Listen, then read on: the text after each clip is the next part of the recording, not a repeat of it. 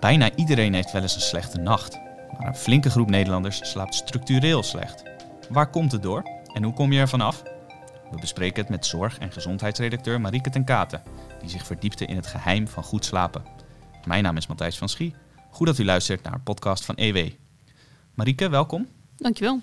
Jij uh, schreef samen met uh, onze collega Joppe Gloerig het uh, coververhaal van de nieuwe EW over het geheim van goed slapen. Want uh, nogal wat mensen hebben daarmee te kampen met slaapproblemen. Hoe groot is dat probleem nou ongeveer? Ja, ik, uh, ik schrok toch nog wel een beetje van de cijfers. Uh, je ziet dus dat een, ongeveer een kwart van de Nederlanders wel eens slecht slaapt. en dat kan dan dus zijn dat je nou ja, moeite hebt om in slaap te komen. Of dat je s'nachts wakker wordt en dan toch wat langere tijd wakker ligt. Of dat je gewoon heel vroeg wakker wordt. Um, en 1 op de 10 volwassenen heeft daar echt structureel last van. Um, en structureel betekent dan dat je echt nou ja, minstens drie nachten in de week uh, toch een slechte nacht maakt. En daar ook uh, al een aantal maanden, uh, drie maanden of langer last van hebt.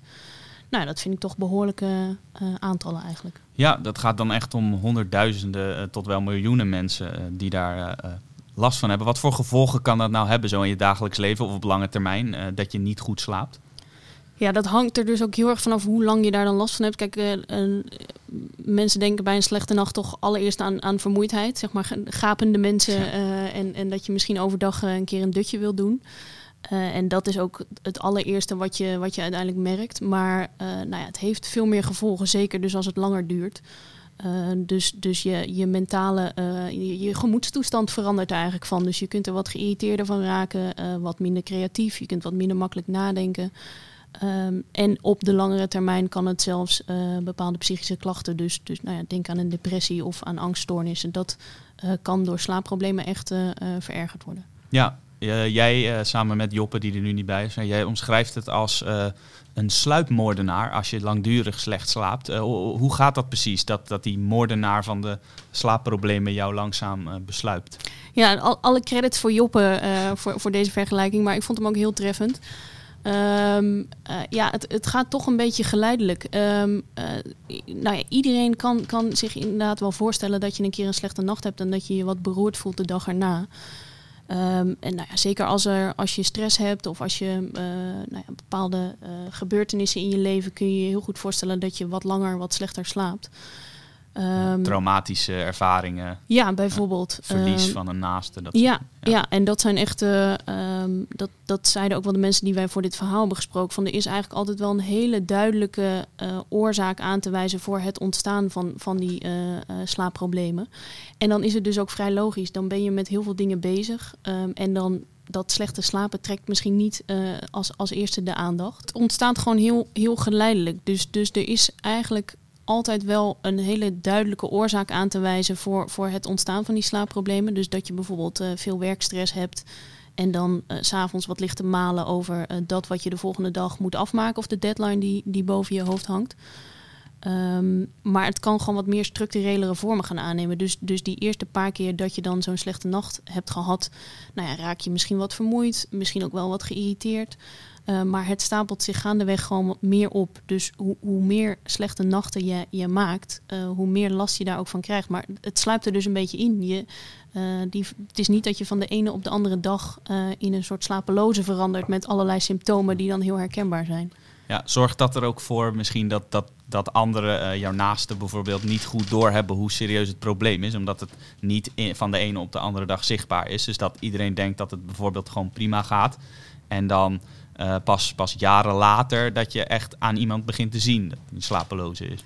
Ja, en, en een van de mensen die wij hadden geïnterviewd voor dit stuk, die zei ook van je, je ziet dat, dat slapeloosheid gewoon nog enorm wordt, wordt onderschat in de samenleving. Uh, want ja, iedereen heeft wel eens een keer slecht geslapen. En, en vaak helpt het uh, bij mensen ook om, nou ja, bijvoorbeeld s'avonds uh, geen kopje koffie meer te drinken. Dat is natuurlijk zo'n klassiek voorbeeld. Ja. heel veel mensen doen dat al niet, om maar te voorkomen dat je, dat je dus niet in slaap komt. Uh, maar de illusie is dus ook een beetje dat, dat alle mensen met slaapproblemen uh, er vanaf zijn als ze maar even geen koffie drinken in, in de avond. Uh, dus daar is ook heel veel onbegrip omheen. Of in ieder geval iedereen uh, slaapt wel eens slecht, maar niet iedereen heeft echt last van slapeloosheid. En daar zit dus een wereld van verschil tussen. En, en nou ja, dat, dat, levert toch wel een bepaalde onderschatting op van het probleem. Ja, ja die onderschatting die, die is er dus bij, bij, bij naasten, om het zo te zeggen. Het is inderdaad een makkelijke oplossing als een, een kop koffie niet meer drinken. Dat, dat klinkt heel simpel, maar dat zal waarschijnlijk al lang geprobeerd zijn. zijn er vanuit de wetenschap wel meer structurele oplossingen of echt oplossingen die minder voor de hand liggen? Nou, wat je, wat je ziet op het moment dat je dus echt uh, praat over een slapeloze, dan, dan is er eigenlijk maar één echte therapie die er bestaat. En dat is dan cognitieve gedragstherapie, zoals ze dat dan noemen. Um, en dat bestaat eigenlijk heel erg uit uh, nou ja, meer, meer kennis uh, krijgen van slaap. En ook dus wat, wat een slechte nacht nou precies betekent. En dat dat soms ook helemaal niet zo erg is om, om een nacht niet goed te mhm. slapen. En in die therapie zitten ook wel heel veel van dit soort open deuren. Omdat je toch vaak ziet dat mensen um, nou ja, toch nog wel een kopje koffie drinken voor het slapen gaan. Of uh, misschien uh, een biertje of een wijntje, wat, wat toch ook niet altijd goed is voor, um, voor een goede nacht. Een slaapmutsje bijvoorbeeld, dat werkt vaak niet uh, zoals het de naam zegt dat het werkt. Nee, en nou, het probleem is over het algemeen dat je dan dus wel vrij goed in slaap komt, maar dat je dan gaandeweg de nacht sowieso je slaapt onrustiger en dat je dan gedurende de, de nacht wakker wordt en dan dus wat langer wakker blijft liggen. Um, maar die, die therapie, daar worden dit soort open deuren dus allemaal wel in benoemd. Omdat je toch vaak ziet dat mensen uh, er niet altijd even bewust van zijn. Uh, nou ja, ook een goed voorbeeld is denk ik toch, uh, s'avonds laat je telefoon nog gebruiken. Um, ja, als jij om 11 uur wil gaan slapen en om 5 voor 11 nog even je werkmail ja. controleert. Ja, dat is, gewoon, dat is toch gewoon niet zo handig. En dat zijn toch dingen die veel mensen nog wel onderschatten, denk ik. Uh, gewoon het uh, effect van dat soort kleine dingen op je slaap. Dus dat ene mailtje, dat kan jou net jouw brein weer aan het malen zetten. Ja. Waardoor je de hele nacht gaat nadenken over wat je hebt gelezen. Ja, ja. En, en wat jij net ook wel zegt van dat, dat kopje koffie. kijk, de echt slapelozen die, die drinken eigenlijk al bijna geen koffie meer over het algemeen. Ook niet in de ochtend. Want die zijn eigenlijk de hele dag bezig met hopen dat ze weer goed gaan slapen de nacht daarna. Um, en dat zit dus ook wel in die cognitieve gedragstherapie. Dat je ook leert um, nou ja, ontspanning te zoeken. Um, uh, niet, je niet al te druk gaan maken over de nacht. Want dat is natuurlijk ook vaak wat er dan aan de hand is. Dat iemand al bang wordt van het feit dat hij dat moet gaan slapen. Um, dus dan is het eigenlijk een uh, self-fulfilling prophecy. Dat jij denkt dat je slecht gaat slapen en dan ga je ook automatisch slecht slapen. Ja, en, en wat je ook ziet, dat, dat is ook een heel belangrijk onderdeel in die therapie. Dat mensen gaan gewoon heel vroeg al in bed liggen in de hoop dat ze dan maar gaan slapen. Maar dat werkt ook uiteindelijk averechts. Dus, dus een belangrijk onderdeel daarvan is de tijd die jij in bed gaat liggen heel erg uh, beperken. Dus dat je niet om acht uur s'avonds of om negen uur s'avonds al naar bed gaat uh, omdat je de nacht daarvoor ook slecht hebt geslapen. Maar gewoon juist dat oprekken totdat je echt zo moe bent dat je uh, eigenlijk vrijwel direct in slaap valt als je, als je het bed ziet. Ja, dus, dus die acht uur slapen, die wij toch eigenlijk allemaal wel van kleins af aan meekrijgen. Van acht uur slaap heb je minimaal nodig. Dat hoeft helemaal niet per se zo te zijn, als ik het zo uh, begrijp. Nou, er zitten sowieso heel, hele grote verschillen tussen mensen. Dus er zijn mensen, het zijn er niet veel, maar er zijn mensen die met vier uur slaap per nacht gewoon toe kunnen. Um, gemiddeld genomen heeft een volwassene wel tussen de 7 en de 8 uur slaap per nacht nodig. Maar om je nou helemaal blind te gaan staren op die acht uur, dat, dat werkt zeker als je dus al wat moeite hebt met, met slapen. Dat, dat kan gewoon echt averechts gaan werken. Ja, dan kan je echt gaan tellen. Bijvoorbeeld eh, als je je wekker zet op je telefoon, je ziet dan altijd verschijnen, uh, zoveel uur heeft u nog te slapen. En ja. dat, dat lijkt mij ook dat zoiets uh, een averechts effect kan hebben. Ja, want dan leg je alleen nog maar meer druk op, op de slaap. Want je, je gaat dan in bed liggen met het idee van, nou, ik moet nu ik hoop dat ik maar snel slaap, want dan heb ik nog uh, uh, bijna mijn zeven of mijn acht uur gehaald. Ja. Uh, ja, dat helpt allemaal niet mee. Precies, nou zeg jij het al, er is dus per persoon verschilt het hoeveel slaap je nodig hebt. zijn er ook grote verschillen tussen man en vrouwen bijvoorbeeld? Ja, je ziet toch wel dat vrouwen er over het algemeen iets, iets meer last van hebben. En het is nou ja, een beetje onduidelijk waar dat nou precies door komt. Waarschijnlijk spelen hormonen ook wel een rol. En wat je ook wel ziet is dat um, uh, er verschillen in leeftijden zitten. Dus, dus dat je uh, naarmate je ouder wordt, ga je minder goed slapen. of je ook minder slaap nodig hebt ja. als je ouder bent, dat is nog onduidelijk. Maar je ziet gewoon wel dat de ouderen, nou ja, dat de kwaliteit van de slaap minder wordt en dat ook de duur wat afneemt. Okay. Uh, over slaapproblemen gesproken, uh, is misschien leuk voor de luisteraar om te weten. Heb jij daar zelf ook ervaring mee met slecht slapen? Ja, en ik kan je vertellen dat is niet leuk. Nee. uh, maar nee, ik heb ook een, uh, een periode gehad waar, waarin ik echt heel, uh, heel slecht heb geslapen. en ik herken dat dus ook wel, dat, je, dat het op een gegeven moment een soort obsessie wordt. Ehm, dat je bijna je hele dag in, in het teken staat van eh, hopen dat je goed gaat slapen. Uh, en dat, dat helpt gewoon uiteindelijk niet. Uh, nou ja, dus, dus die, in die zin herkende ik me ook wel in heel veel wat, wat de. We hebben een aantal wetenschappers geïnterviewd. In heel veel dingen die zij zeiden ook dat, dat, dat tips geven van mensen om je heen ik heb genoeg tips, tips gehad. Uh, en allemaal tips die ik, die ik al twintig keer op Google zelf had gevonden. Mm -hmm. En één wetenschapper die zei van ja, het is eigenlijk ook gewoon respectloos om het op zo'n manier te benaderen. Hij vergeleek het, en dat vond ik toch echt wel heel treffend, met ehm, je zegt toch ook niet tegen mensen met een depressie dat ze maar even een avondje naar een cabaretvoorstelling moeten, dat dan de problemen verholpen zijn.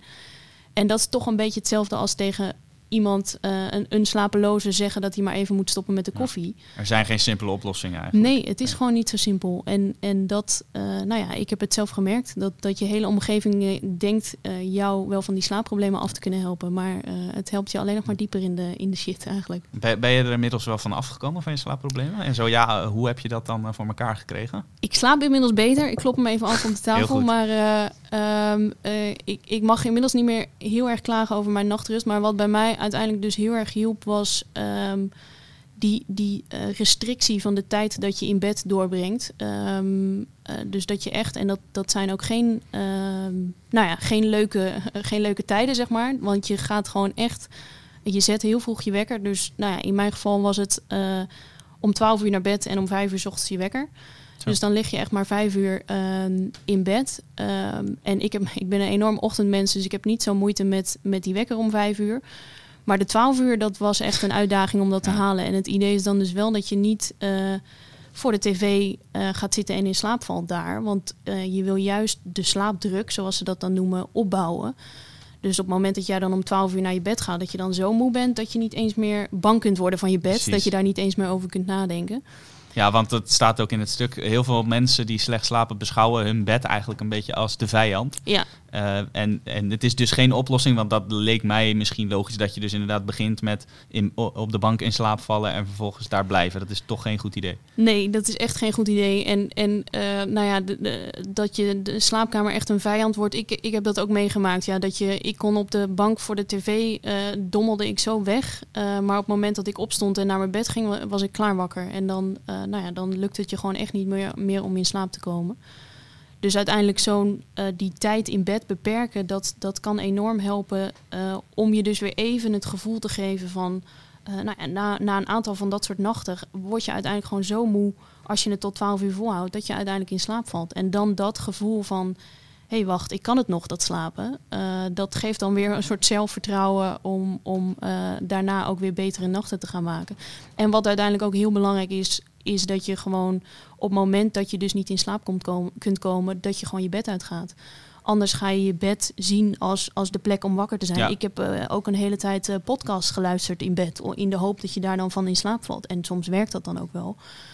Maar dan wordt je, je bed ook een beetje een soort podcaststudio. Of in ieder geval, je, je uh, ziet het dan toch als de plek waar je toch dat soort dingen weer aan het doen bent. En dat is uiteindelijk toch een heel slecht idee. Dus een van die wetenschappers zei ook gewoon het bed uitgaan. En je kunt best een podcast gaan luisteren, want dat is best ontspannend.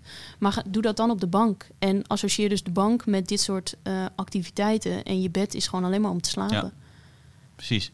Nou ja, deze podcast is dus niet bedoeld om in bed te luisteren. U hoort het. Uh, maar je hebt wel een aantal andere tips. Die zijn ook uh, te lezen in het artikel. We gaan hier natuurlijk niet alles weggeven. Maar uh, daarvoor moet u de nieuwe EW in huis halen. Die kunt u ook in huis halen via onze website ewmagazine.nl. Uh, Marieke, we zijn aan het einde gekomen van de podcast. Uh, hartelijk dank voor je heldere uitleg. Graag gedaan. Hopelijk uh, hebben de slechte slapers onder onze luisteraars er iets aan. En nou ja, als u dus iemand bent of kent die slecht slaapt, haal dan vooral de nieuwe EW in huis. En dan komt u nog veel meer te weten over het geheim van goed slapen. Uiteraard staat het weekblad ook weer vol met andere verhalen. Uh, bijvoorbeeld over het uh, opnieuw opgeleide geweld tussen Israël en de Palestijnen. Uh, de kunst van het onderhandelen met het oog op de kabinetsformatie. En de comeback van het werk op kantoor, maar dan in een nieuw jasje. Ja, bent u hier nou benieuwd naar? Nog geen abonnee? Kijk dan dus op onze website ewmagazine.nl slash abonneer. Dan kunt u ook dagelijks terecht voor het laatste nieuws, achtergronden en opinies. En ook het verhaal dat we zojuist hebben besproken is uiteraard online te lezen en via de link in de beschrijving van deze podcast te vinden. Nou, alle luisteraars bedankt voor uw aandacht en uh, graag tot de volgende keer.